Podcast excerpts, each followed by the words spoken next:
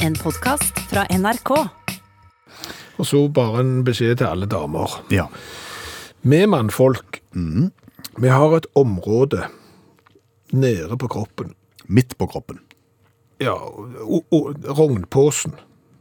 Ja, det er en måte å kalle det. Ja, det er en litt tåpelig måte kanskje. Testikler. Ja.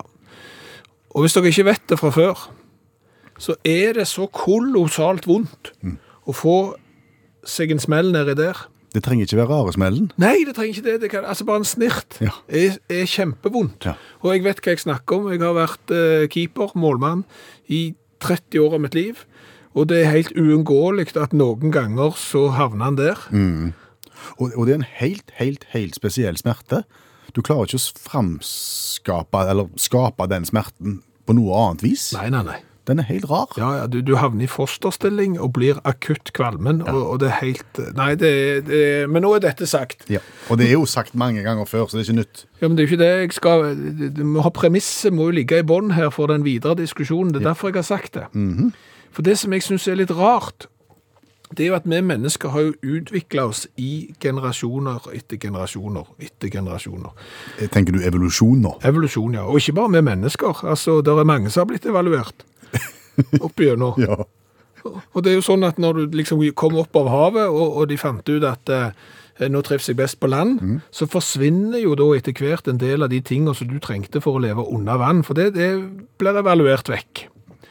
Det går, det går noen tusen år på veien her. Jo, jo, men altså gå tilbake til, vet ikke jeg, tidenes første oppegående menneske, Så, Så, så hadde jo de òg godteposen hengende der som han henger. Ja. Og jeg skjønner ikke hvorfor han må henge så utsatt til at ikke evolusjonen da har tatt grep og plassert den på en litt annen, mer beskyttet måte enn det. Hvem er det som bestemmer hva som skal liksom fikses på, og hva som skal forbli sånn når, når vi driver med ev ev ev Evolusjon. evolusjon? Nei, det kan du si. Ja. Ville du ha flytta de inn i magen, på en måte? Altså, jeg, jeg kunne jo tenkt meg da så plasserte godt polstra på innsida. Ja. Sånn at det, det, det, det var vekke fra, fra alle sånne eventualiteter som, som kan dukke opp. Det kunne jeg tenkt meg. Tuten fortsatt i friluft. Det må vi være enige om.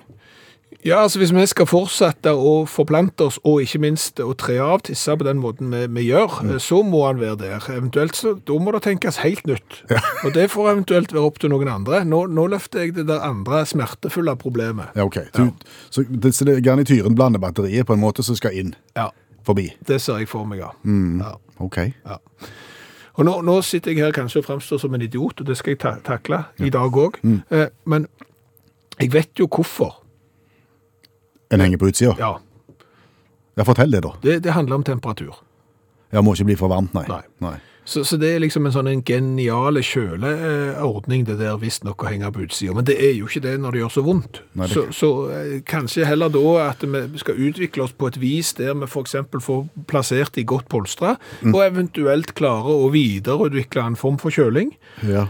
Kjøleribber, varmepumpa? Et eller annet. Ja. vann til vann, luft til luft. eh, Men hva med et annet. sted utendørs på kroppen, da, før, før vi går så drastisk til verks og trekker de på innsida? Mm, Er det et eller annet sted på kroppen kunne de, hvor de kunne vært da? fått- Det, det vil nok være en vanesak, tror jeg, å venne seg til det. Det tror jeg. For du har liksom, du har blitt vant med Ja. at det skal være der. Så i det øyeblikket du eventuelt flytter, Mm. eh, så vil det kanskje se litt rart ut i starten. Men jeg har jo sett en del på fotballspillere. Ja. De har jo nå begynt å De blir jo monitorerte når de spiller fotballkamp. Da har de en sånn liten sender på seg som måler hvor langt de springer, hvor fort de springer og alt det der greiene der. Ja. Og den har du jo da plassert på det minst utsatte stedet på kroppen. Ikke skal ballen treffe han, ikke skal det gjøre vondt hvis du lander på han, og så. Og da har de satt den hvor? Mellom skulderbladene. Ok. Ser vi for oss at det er en løsning her? At, at rognposen mellom Nei, skulderbladene? i, igjen, eh, det, det, jeg tror det er, Det er en vanesak. det er en vanesak. Ja. ja. Og du skal ikke slenge deg ned på senga, da. Nei, men altså, kanskje han er beskytta mellom skulderbladene på samme vis, men, men, det er, det, det, men, men jeg tror det, det kan ta noen år før du blir vant med det. Ja, jeg tror det går noen generasjoner der òg. Jeg tror egentlig at ideen med innvendig i nærheten av der han er nå, Ja. men med kjøling, er det optimale. Er det ikke det? Jeg tror jeg tror òg det, altså. Så, så hvis det er noen som bestemmer på en måte den videre veien nå for oss mennesker, så kunne iallfall vi mannfolk hatt bruk for akkurat det.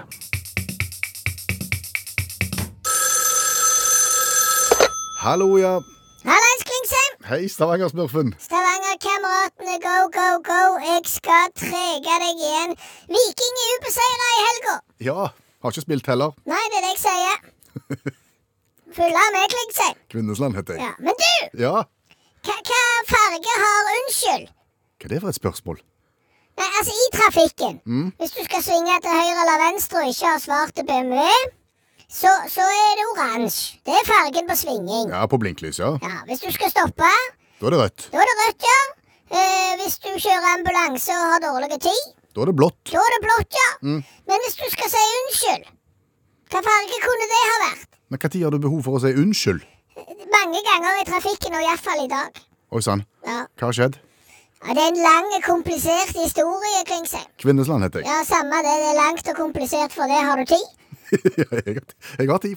Kajakken og meg. Naboen din. Ja, vi, vi hadde jo uh, vært på jakt. Ja, stemmer. Dårlig utbytte. Kolossalt. Det eneste vi fikk, var ei geit. Ja. Så vi hadde jo med oss den geita hjem da fra Sørlandet. Mm. Og, og så skulle eh, kajakken Han skulle da sløye den. Sløye geita. Eh, Hva du gjør for noe? Jeg skulle iallfall skjære den opp og lage filet og sånn. Flå. Ja, samme det. Sløye eller flå. Og så er jo ikke han så god med det. Nei. Så han skar seg jo. Oi sann.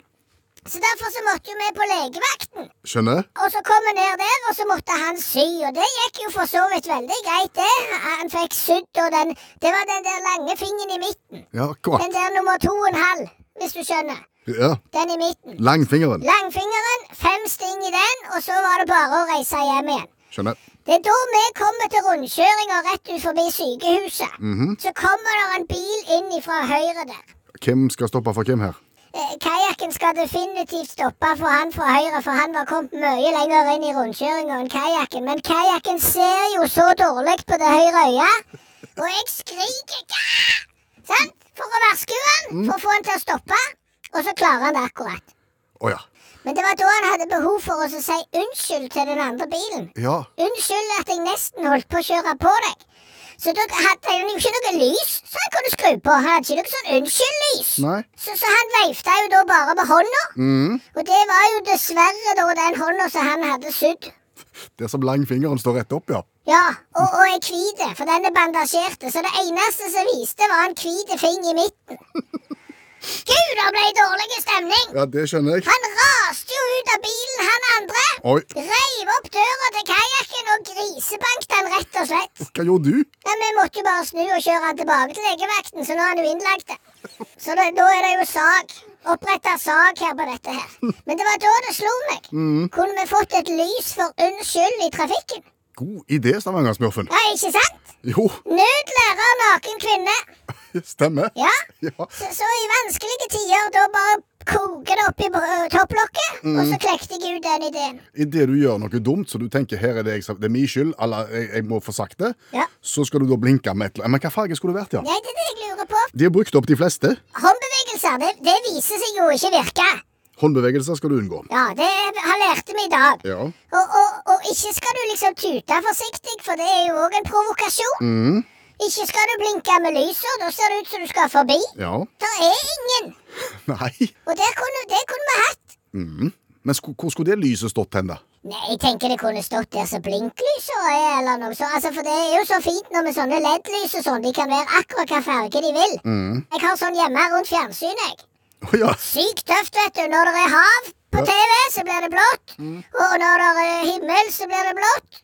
Og når det blir noe annet, så blir det litt andre farger. Så det er ikke problem å få til det. Så da kunne du eksempel hatt unnskyld-knappen, så lyser det rosa, eksempel, eller noe sånt. Lysrosa eller lilla.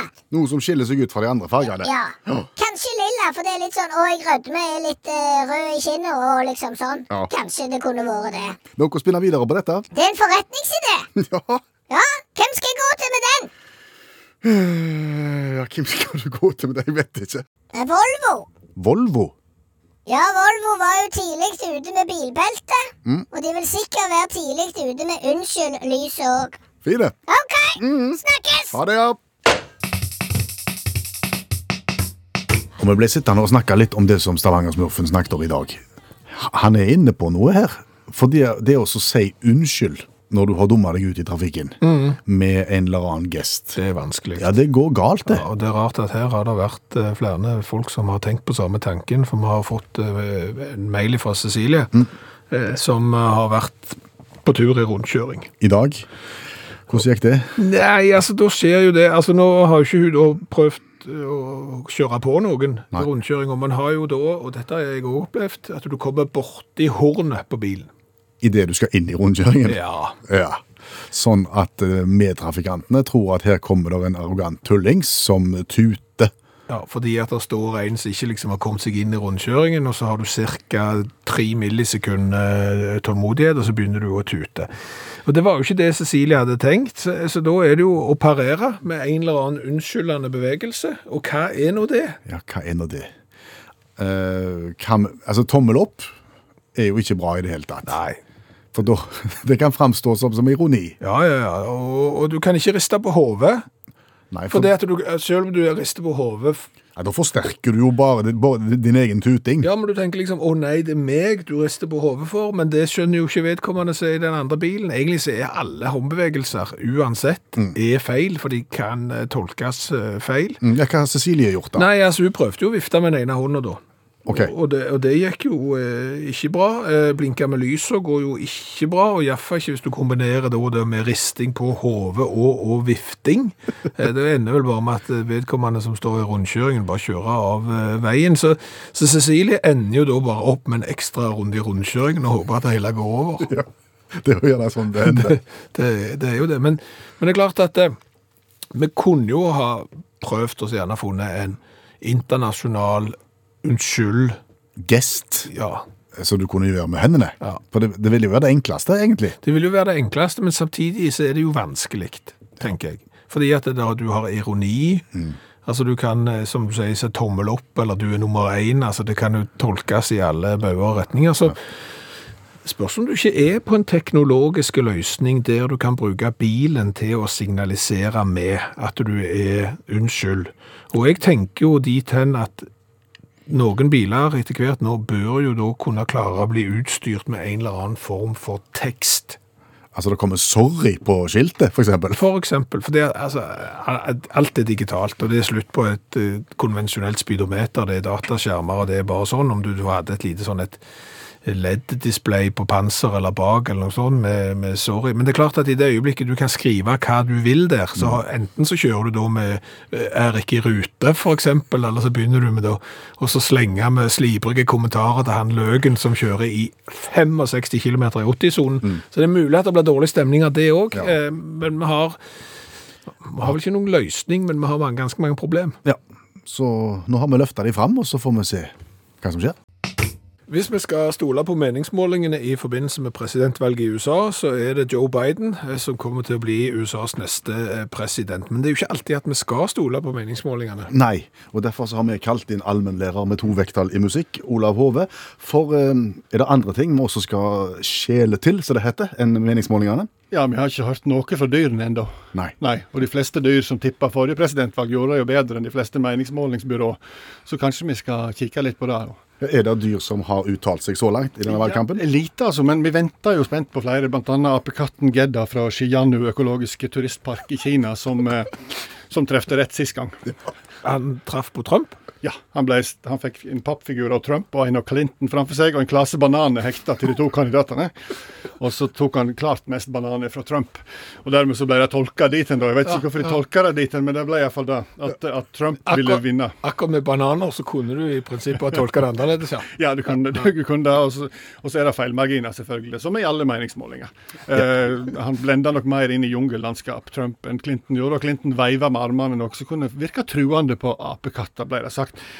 Isbjørn Felix fra den zoologiske hagen i Krasnojarsk i Russland um, trefte jo òg sist gang. På Trump, ja. Ja, fikk to gresker med navnet til kandidatene skåret inn. Fylt med fisk med et flagg i bunnen. Jækla komplisert, men Gresskar med fisk og flagg. ja. Angrep da Trump umiddelbart, åt opp fisken og irriterte seg selvfølgelig ved flagget han fikk i kjeften etterpå. Men dermed ble det tolka at ja, isbjørn Felix, som er påvist eh, synsk, tippa på Trump. Samme gjelder geit i boots, som vi venter på spent. Den har vi vært borti før, Ja, ja, ja, ja Jedburg i Skottland. Ja. eh, eh, og det er jo fint med geiter på sånn tipping. Du trenger ikke, trenger ikke ha gresskar med fisk i, eller du tar to lapper. Skriver du Biden eller Trump, og så eter han selvfølgelig lappen opp. Eh, det er det gode med geiter, de er ikke så kravstore. Men, men, men igjen, da er det sånn at den lappen han spiser, er den han velger. Ja. Her òg mener jeg at det er rom for å tolke det annerledes. altså Hvis du lar én kandidat være i fred. ja, ja, ja, ja, så. Ja, men sånn er det i den synske verden. Da det er det en velger, så det er en etter som er, blir kandidaten. Nå bomma nå bomma geit i siste, og Boots eh, tok Clinton. Okay. Men som de sier på gården i Jedburg, at eh, her snakker vi jo med geit som forutså både brexit og at prins Harry ville fri til Meghan Markle. Hvordan de fikk det til, vet jeg ikke, men han får iallfall en sjanse til. Men det er en- ett dyr som har tippa. Ja, for disse her, her tippa jo for fire år siden. Ja, ja, ja, men det, det, ja og, det, og nå snakker vi om på en måte dyrenes svar på Statistisk sentralbyrå og Norstat og alt i en, og det er nemlig ekornet Gnocchi i Sør-Carolina, og det er jo litt trist. Hæ? Ekorn. Ekornet Nokki? Ja. Ja. Og dette er jo trist, for eh, Gnocchi har jo truffet fire år på rad. Oi. Eh, Gnocchi eh, døde i, eh, i vinter. Eh, fikk korona, jeg vet ikke, men han døde iallfall. Eh, og kan dermed ikke spå. Men heldigvis har sønnen Chris Chris tatt over, og, og jeg, jeg viser stort potensial eh, på synskhet. Hun har testa han på sånn American Idol og sånne ting. Du må begynne i det små visstnok når du skal være synske dyr. Og han har truffet voldsomt ofte. Eh, eh, han fikk da et bilde utdelt av de to kandidatene, og, og en skål med, med nøtter. Åt klart mest nøtter på Trump. Eh, og dermed så betyr det at eh, Trump vinner valget. Både Chris Chris og den avdøde Gnocchi har en syvende sans, og, og, vi antar at dette her vil øke, eh, øke valgoppslutningen nasjonalt. Og få folk til å skjønne at eh, her må vi stemme på Trump. Så jeg tror ikke dette her er avgjort i det hele tatt når ekorn Men- som heter Chris Chris Har ekornet Gnocchi. Chris, nei, Chris Chris Ja. har tatt hensyn til poststemmene, eller har de bare tatt det? Ja, det vil jeg anta. Altså. Ja, jeg vil anta, altså. Jeg vil anta det. Ja. Så uh, det blir Trump. Trenger ikke snakke mer om det her. Chris Chris har talt. Takk, allmennlærer med to vekttall i musikk, Olav Hove. Det er noe som har forundra forundret meg.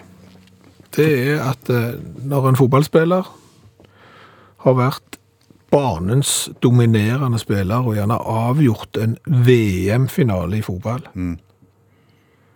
så svarer de uansett når de får spørsmål liksom, hva er dette det største du har opplevd i ditt liv, så svarer de eh, nei, det er å få unger.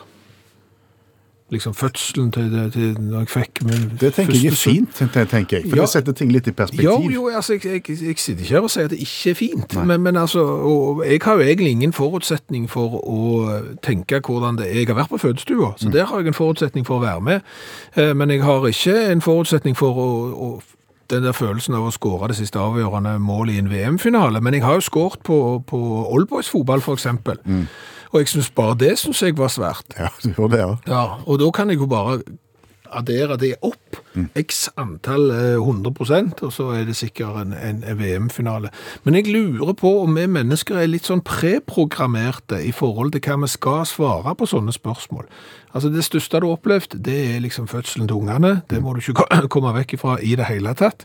Og så er det ofte sånn at hvis noe er godt, så skal det sammenlignes med sex. ja. Nesten like Nesten like godt som sex. Ja. Det er liksom, det er de der tingene. Er det fordi at vi ikke tør å, å fortelle noe annet? Vet ikke. Nei, jeg Har, har, du- har du tenkt på om det finnes opplevelser, følelser, som er sterkere enn nettopp dette? Ja, ja, iallfall helt der oppe. eh, Og som jeg tror er, er, er Altså, det, De er såpass undervurdert at folk ikke vil si at det er kanskje noe av det beste, noe av det største øyeblikket i, i, i livet. Er det Og for banalt? litt for banalt, litt uh, sånn at du nesten skjems sikker uh, av å si det. Men jeg kan jo ta den jobben, jeg, Ja, da, ok. tenker jeg. Bjørn Olav Skjæveland.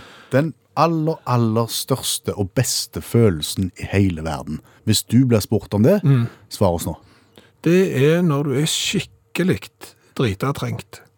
Og så få lov til å sette seg ned på et eh, godt porselensklosett med varme i gulvet, og kunne låse døra og få deg en fredastund, helt for deg sjøl. Den følelsen der, den forløsningen der, det, det er helt mageløst. Ja, jeg er enig. Ja, du er enig, Ja, sant? men, men du hører hvor banalt det høres ut å så si det. Altså, ok, Jeg skal ikke sammenligne hverken fødsel eller sånn, men det er sånn, en sånn følelse som, som jeg tror alle syns er nesten euforiske, Ja. men, men som ingen egentlig tør å fortelle at de setter så kolossalt mye pris på. Og derfor, i den anledningen der, i den erkjennelsen av at det å få seg et skikkelig sidd Ja. kanskje er en av verdens beste opplevelser, så har jeg lagd en sang. Om dette her. Ja. OK. ja. En helt vanlig sang? Nei. Nei. Jeg har tatt en sang som er veldig populær akkurat nå, eh, og det er fordi at den handler litt om det at hvis det ikke er en dag i morgen, altså hvis nå verden går unna, så er det jo alle de der tingene du skulle ha sagt, og alle de der tingene du skulle ha gjort, og så må du gå gjennom de der valgene igjen. Ja, ja, ja. Hva hvis det ikke var en dag i morgen? Hva hvis det var slutt i dag? Hadde det ikke vært herlig da å fått satt seg ned på et godt stykke med porselen, med varme i gulvet og, og hendene på, på låra, og virkelig fått nøde det der aller siste trykket?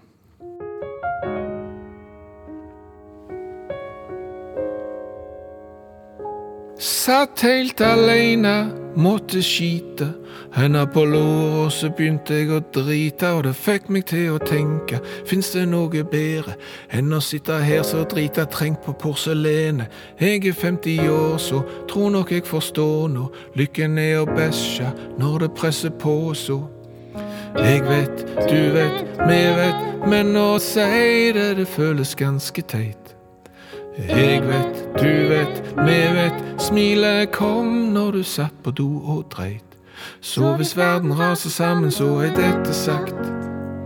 Å gjøre mitt fornødne, tusen takk. Eufori for løsning bak ei dør. Å gå på do er noe alle gjør. Så hvis verden raser sammen, så er dette sagt. Å fylle porselenet med kloakk.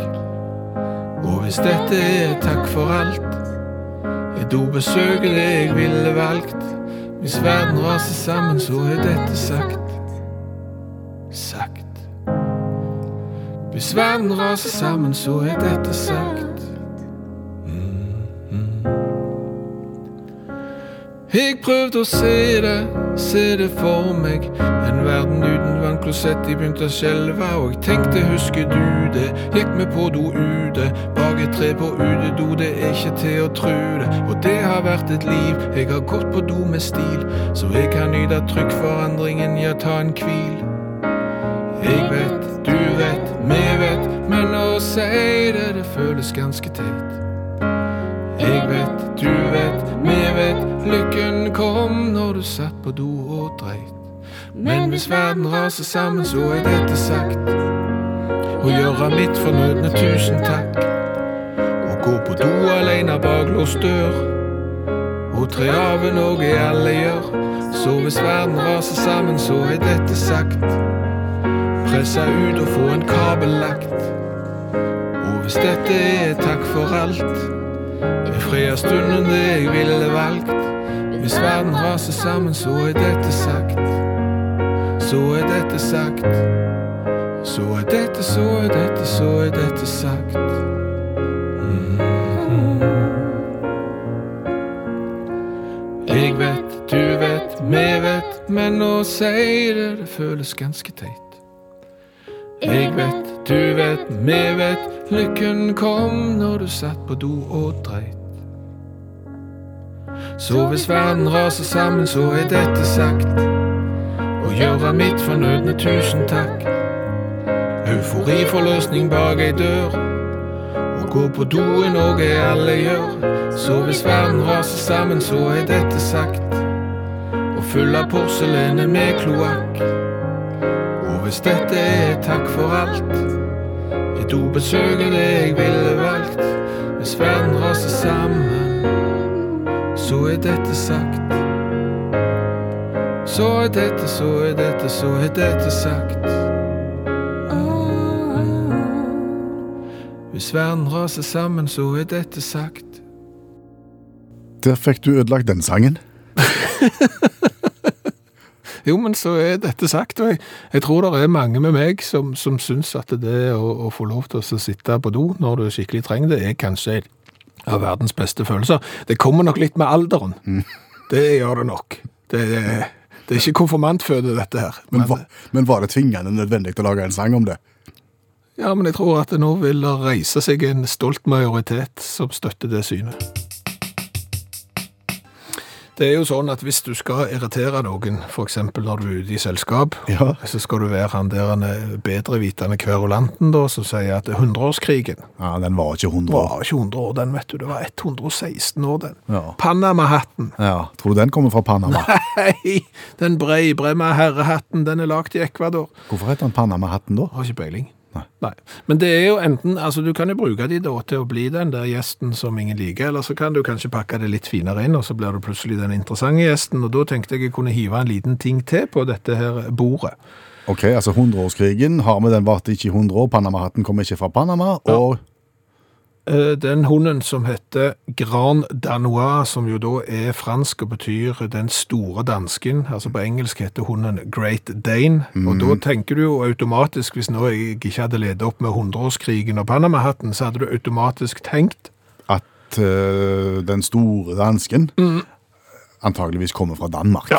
ja. Og så gjør han jo ikke det, da. Men hvorfor i all verden het han det? da? Nei, hvorfor hette han det? Men det var fordi at det var en, en, en fransk eh, kar som reiste til Danmark, og så da en versjon av denne her eh, hunden, som var kolossalt stor her. Han ble Oi, den var stor! Ja. Og så kalte han den da for eh, Grand Danois. Dette er jo da en rase som går langt, langt tilbake, og så har de jo liksom kryssa de opp igjennom. De har iallfall ikke blitt mindre. Store er de blitt. Men sånne hundehistorikere Ja, Alt det fins. ja se det. Ja, de har jo da gitt tyskerne æren eh, for dette beistet av en hund. Så da burde det vært Great German. Ja, eh, 1800-tallet og Berlin står eh, sentralt her, så det kunne vært The Great German, men istedenfor så er det da The Great Dane, eller Grand Danois. Ja. Ok, da har vi tre varianter da, som vi kan enten gjøre oss interessante med, eller irritere med i selskapslivet. Bare for å rekapitulere. Hund- Ja, nei, nei, jeg er ikke dansk den, vet du. Ikke, han finnes ikke dansk. Den, den er egentlig, ja, han er nok knapt fra Tyskland, men det er de som har fått æren for. Hvordan oppstod krydder? Godt spørsmål. Antageligvis for veldig, veldig lenge siden.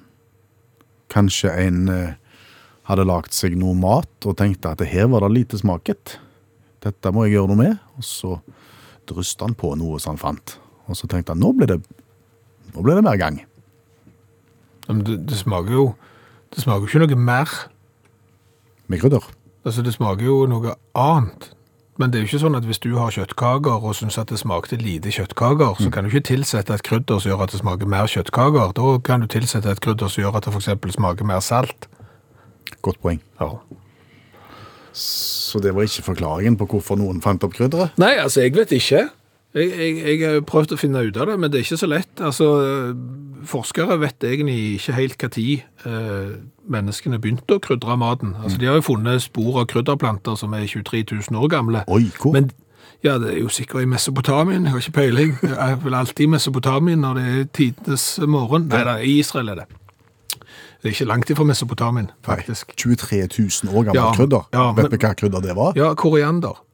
Å. Men de vet jo ikke om folk brukte det i maten, for det kan jo bare ha vært der står det koriander, og det har vi funnet spor av. Det er jo ikke noe Ja, det er jo en plante. sikre- Ja, er det det, ja? Ja. Så du lager et krydder av? Ja. Ok, da lærte vi det. Men, men, men eh, de er sikre på at eh, 6000 år siden, da var det noen som krydra maten sin. Å ja. I, Danmark. I Danmark? Ja. For å ha på pølsene? Ja, røde pølser med krydder. Nei, det var ikke det. Men de har funnet noen sånn 74 sånne skåler med mat, eller liksom så du brukte for å tilberede mat. Og når du da har gått dypt inn i materien på disse og funnet en eller annen kjemiske signatur, så har de funnet ut at der var det et sånn et frø, eh, tilsvarende det vi vel i dag kaller for hvitløkssennep. Jaha. Hadde de lagd sennep? Ja, Hvitløks, jeg er ikke sterk på hvitløkssennep heller, jeg, Nei, men men pølser, ketsjup og sennep. Jeg tror hvitløkssennep ikke er sånn som du har på pølser. Men men det har de da eh, funnet ut, men de har ikke funnet ut eh, helt hvorfor. Om Nei. de gjorde det fordi de syntes det var godt. Altså Det de vet, er da, når vi ser på hvitløkssennep, eh, så brukte jo neandertalerne hvitløkssennep. Hvor var de hen da? Ikke på pølser, det heller. Nei. men det var fordi det, det kunne de bruke eh, som medisin mot sår og, og den slags. Så det kan jo hende at når de da bare har fått gått generasjon etter generasjon etter generasjon i e- evalu... e- evalu der- Evolusjonen? Evolusjonen, så har de kanskje begynt å få smaken på medisin. Litt som at vi liksom syns at det smaker så godt med hostesaft at vi vil at burgeren vår skal smake hostesaft. Eller Jegermeister? Ja, kan hende. Ja. Vet ikke. Nei. Men, men eh, det er jo et moment som forskerne trekker fram her. Og det er kanskje det mest vesentlige. Det er jo det at når du tilsetter krydder til maten, Ja. er det en del krydder som gjør at maten blir mer holdbare. Og det var konserveringsmiddel på en Ja. måte. Og da kan det jo hende at det er faktisk sånn at egentlig så likte du kjøttkakene uten salt.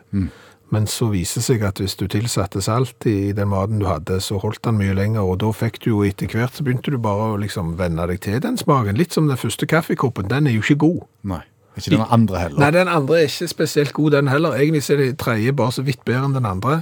Men etter, etter en stund så er jo kaffe noe av det beste du kan få. Og det er klart, hvis du da har begynt å krydre maten din for å konservere Ja, men stopp, der, stopp. Du sier krydre maten. Altså salt vet vi konserverer. Ja. Men er det, er det annet krydder som også Altså kanel? Vil det kunne konservere mat? Altså, nå, nå begynner du å spørre kolossalt vanskelig. Jeg, altså, jeg har ikke satt meg inn i hverken estragon, kanel eller andre krydder, og hvor gode de er til å bevare mat og holde bakterier vekke. Ja, men La oss si at det, sånn sterke krydder Ja. har den samme effekten, da. Ja, Er det da nærliggende å tro at uh, mat i Østen, hvor det er kjempevarmt, kanskje har uh, raskere for å bli ødelagt, og en må dermed dryle på med mer sterkt krydder for å konservere, og dermed så får du veldig sterke smaker? ja det, det svarer jeg umiddelbart ja på, men jeg har ikke peiling. Ok. Mange irriterer seg, og vi skal ikke bruke så mye tid på å snakke om det. Nei, For det er jo en klassiker at- at julemarsipanen og julesjokoladen kommer altfor tidlig. men julebrusen er jo ute. Det sto en hel eh, vegg av julebrus i dag når jeg var i butikken for å handle. Julepynten er jo observert i butikk for lenge siden, og mange, som du sier, misliker det. Men jeg vet, og jeg skal ikke generalisere, bare litt, men ikke mye, at mange av de som misliker da tidlig jul, de misliker også halloween. Ja, fordi at de, de, For å ta jula først, så er det på en måte en forflatning, og det er på en måte markedskreftene som har tatt over, og en begynner altfor tidlig og alt dette her. Og så sier du egentlig det samme om halloween. Det er en amerikansk skit som har fått over her, det er markedskreftene, og de skal Ja, ja. bare selge godteri, og ungene har ikke godt av det. Bare slutte med det. Få det vekk. Ja. Ja. Men til alle de som da er i den leiren at de A reagerer på rekordtidlig julemarsipan og syns at halloween er noe vi har importert fra USA, så de bare kan få tilbake igjen.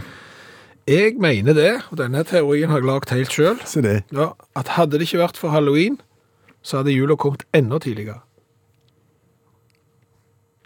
Hvordan argumenterer du for det? Fordi at handelsstanden handelsstanden trenger hele veien en eller annen dag å henge salget sitt på, eller et eller annet fenomen. Sånn at i perioder der det ikke er noe spesielt, eh, så må du da framskynde noe, eller å skape noe. Der kommer jo morsdag og farsdag og sånn inn, det må vi selvfølgelig ha, for da kan vi få, få solgt noe marsipankake, noe roser og litt forskjellig. Og i og med at halloween går eh, nå, er, nå er allehelgensaften eh, i, i år er 31. oktober, så kan du da ha fokus på halloween-varene fram til det. Altså, Da er på en måte halloween en lynavleder for julemarsipanen. Den, den holder litt av julen vekke. Altså Nå er det jo uh, allikevel julebrus, men det hadde vært enda verre hvis det ikke hadde vært for halloween. For nå er det liksom mange av butikkene er fulgt opp av halloween-ting, og så skal de ut, og så kan jula komme da med, med full trøkk igjen. Så, så vi utsetter helt til 31. oktober. Kjempeflott. ja, jeg ser det. Det er, det er et lite halmstrå, Ja. men, men Jeg håper ikke du har brukt mye tid på denne teorien din. mye? Nei, det gikk jo fort en tirsdag på den. Ja, det gjør det. Ja. Ok. Så, så til alle dere som misliker både rekordtidlig jul og rekordtidlig halloween, så tror jeg dere må eh, Nei, rekordtidlig halloween, ja. Nå har klokka plassert 11. Nå er det Nå har han plassert 11. Ja, Ja. ja, takk for i dag. Skal jeg ta den setningen på ny? Gjerne det. Ok. Til alle dere som misliker rekordtidlig jul, og samtidig misliker importkulturen halloween, tror jeg dere skal takke halloween litt. For at da utsetter vi faktisk julemarsipanen til slutten av oktober. Kjempeflott.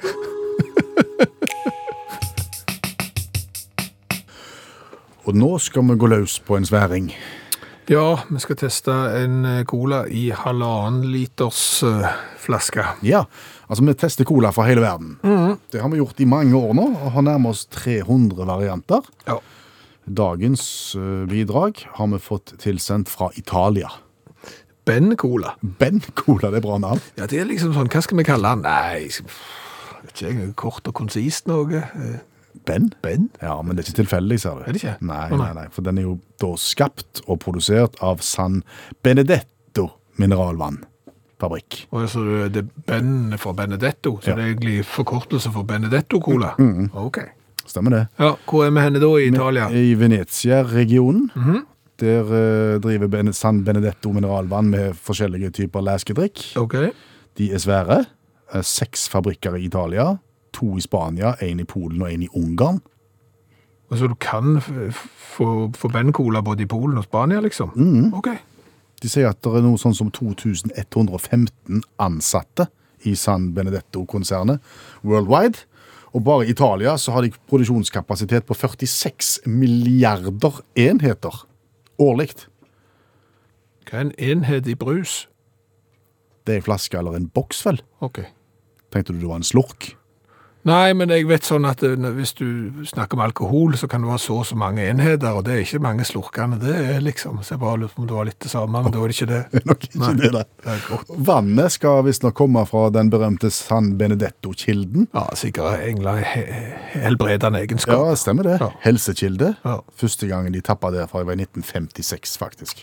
Alt du kan. Dette har du helt sikkert bare hentet fra eget Dette har jeg, eh, jeg, i samarbeid med Wikipedia, har gjort en kjempejobb her. Eh, ja, det er halvannen liter plastflasker som ser ut som andre halvannen liter plastflasker. Eh, rødfargen på etiketten har de freidig og flott bare stjålet fra Coca-Cola. Og de hvite bokstavene Ben Cola på midten har de også nesten stjålet fra Coca-Cola. Ja. Da gjenstår det vel egentlig bare å smake. Det jeg kan se, siden dette er plastflasker som er gjennomsiktige, er at fargen har de ikke stjålet fra Coca-Cola. For her er det litt lite farge. På selve brusen, ja. Den er lett gjennomsiktig. Og det ser jeg nå når du tømmer den. Det ser ut som den er utvannet. Det er jo på grensen til iste, dette. Ja, faktisk. Og så hørtes det ikke ut, så det var mye kullsyre igjen. Nei. Kan han ha falma? Den så nesten sånn ut.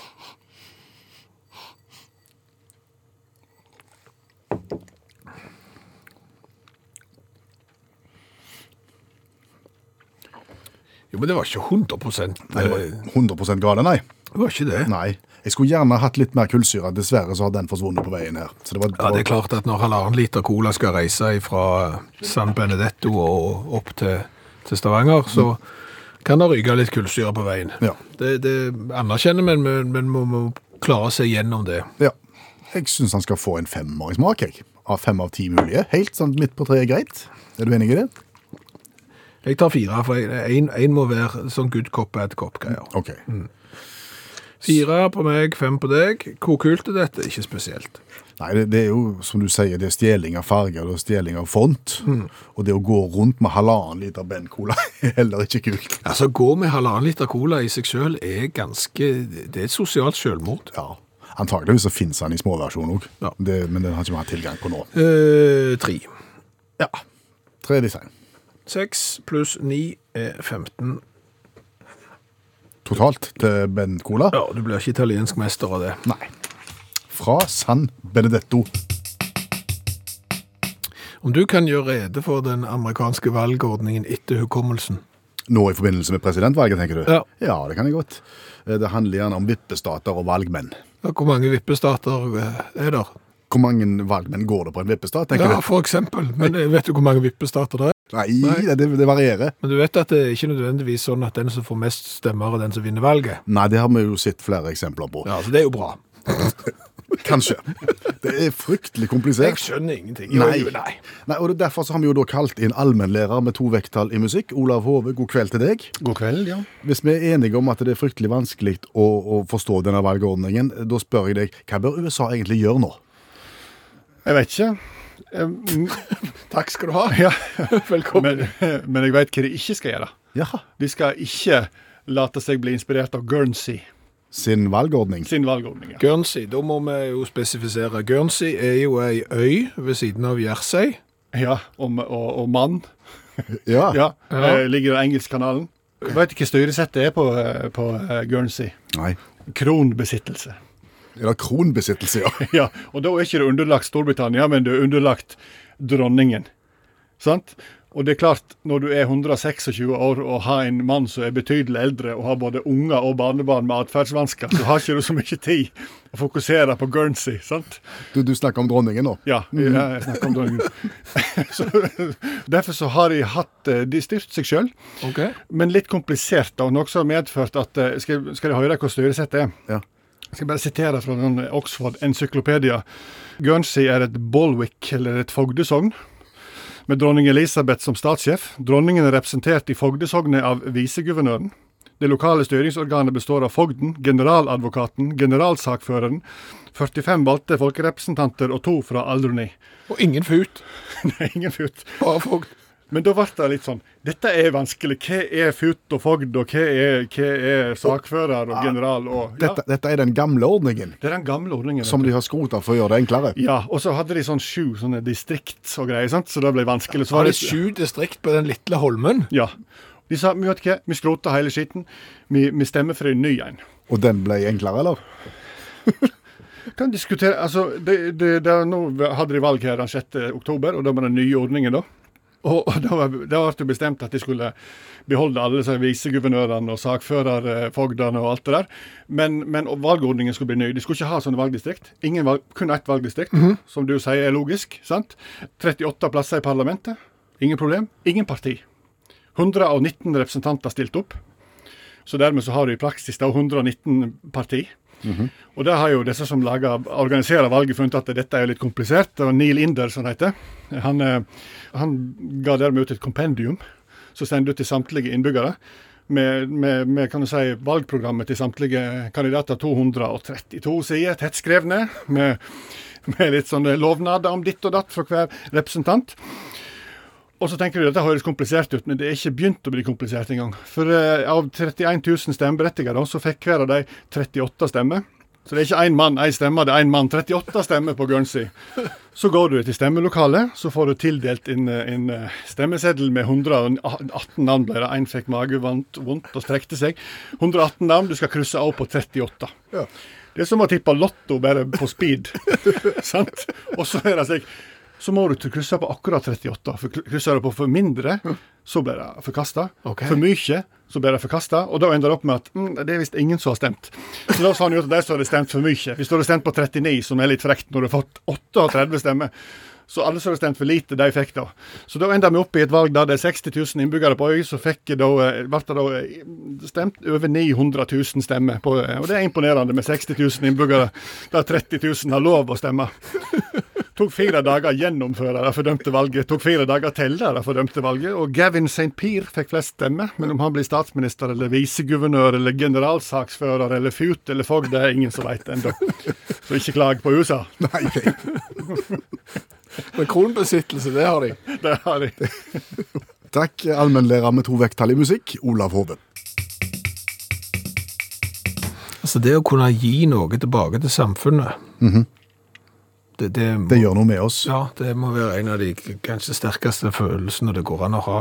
Og den kjenner vi litt på akkurat i dag. Vi gjør det. For i dag så For første gang i Utakts elleveårige historie så uh, havner vi på museum ved at vi gir noe tilbake til samfunnet. Det viser seg at det er noe av det vi sitter på, for noen er så viktig Og verdifullt. ja, at, at det havner da i, i monter. Og det vi i radioprogrammet Utakt sitter på, som eh, etter hvert nå havner i en historisk monter, er steingammel påsesuppe. Ja, det er en svensk ertersuppe for Toro. Det er en italiensk gryte med spagetti eh, for Toro, og en italiensk minestronesuppe fra, fra Toro. Ok. Eh, Men det er jo sant. Ja, det, det er helt sant. Eh, og vi må ta bakgrunnen her. Dette her begynte jo da for en del år siden, hvor vi hadde et tema i radioen hvor vi snakket om, om det å spise gammel mat, mat som har gått ut på dato. Vi samarbeidet litt med forbrukerinspektørene på TV, det ble mye føss rundt det, og så fikk vi tilsendt masse gammel mat fra folk som hørte på utakt. Ja, ja, vi fikk jo uh, kjøttkaker fra 1942 blant annet, og vi fikk masse gammel mat, blant annet da disse tre suppene. Ja. Uh, og så har jo vi på kontoret vårt ganske mye gammel mat stående nå. Ja, Og det er jo sånn, hva i all verden skal vi bruke det til? Da kommer vi jo opp med det som jeg synes var et genialt programkonsept.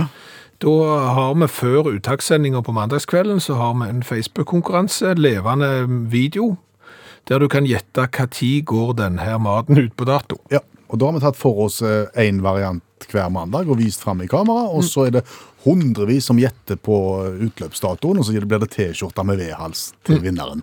Og det gjorde vi i dag også. Ja, i dag var vi ute med en italiensk minestronesuppe, ja. som da gikk på dato etter det vi hadde forstått i hvert fall, i 1982. Ja. Og så ble det vist film av denne suppa her, og da våkna Cato. Ja, for Cato han jobber hos Toro.